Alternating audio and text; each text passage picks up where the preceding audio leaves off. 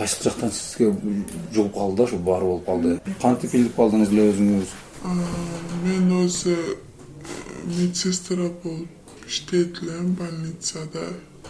Эки миң сегизинчи жылы ишке кирип ал жерде бир айыл жатып ошо баласына тапты да меничи балама тий деп келин кылам деп анан качып качып жүрдүм анан акыры болбой турмушка чыктым.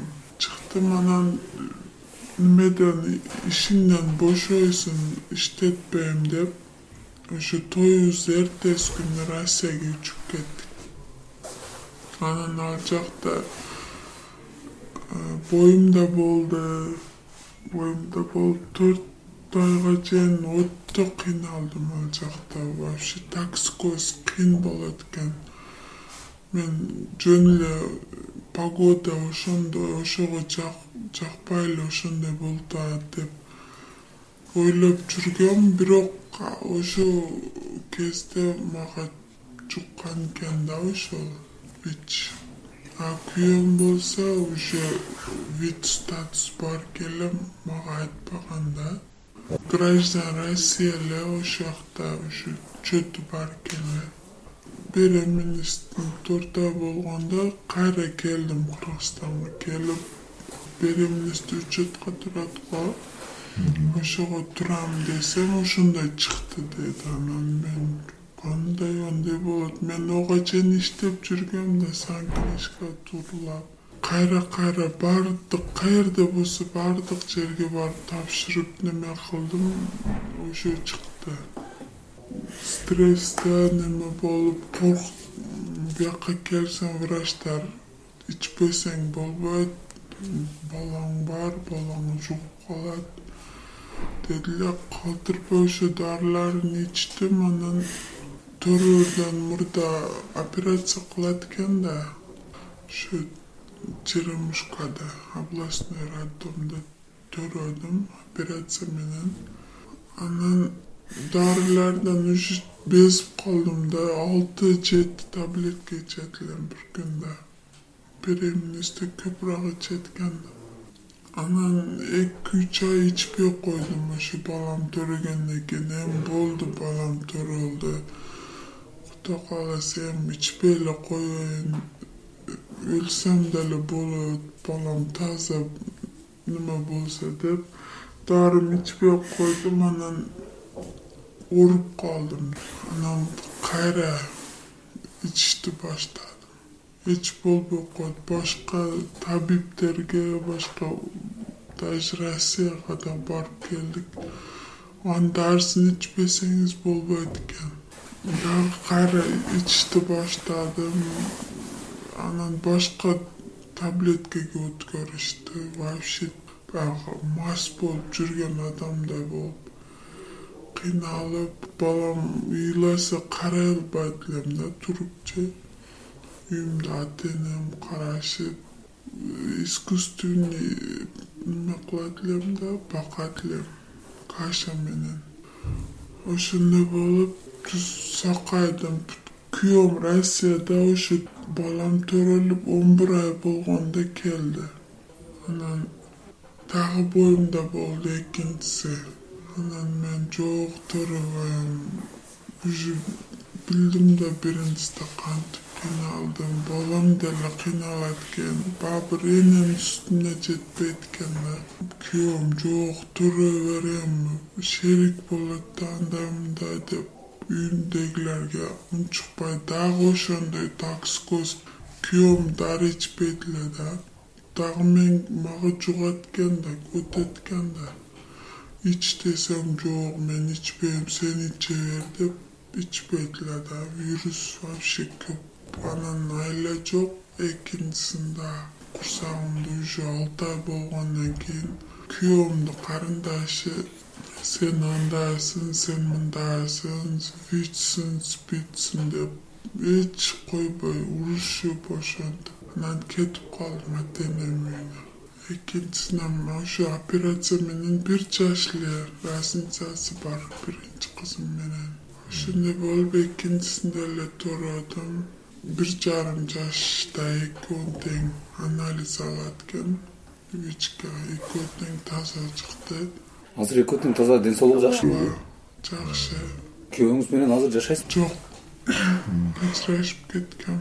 А сиздин үйдөгүлөрүңүз кандай мамиле жасайт үйүмдөгүлөр жакшы наоборот же өздөрү жебесе дагы мага берет да врачтар айтыптыр эле жакшы жеш керек андай кылыш керек десе алар барып коркот экен да ошондо абайлап неме кылып таблеткаларым врачтарга барбайм да өзүм иштегем өзүм тааныштарым иштейт.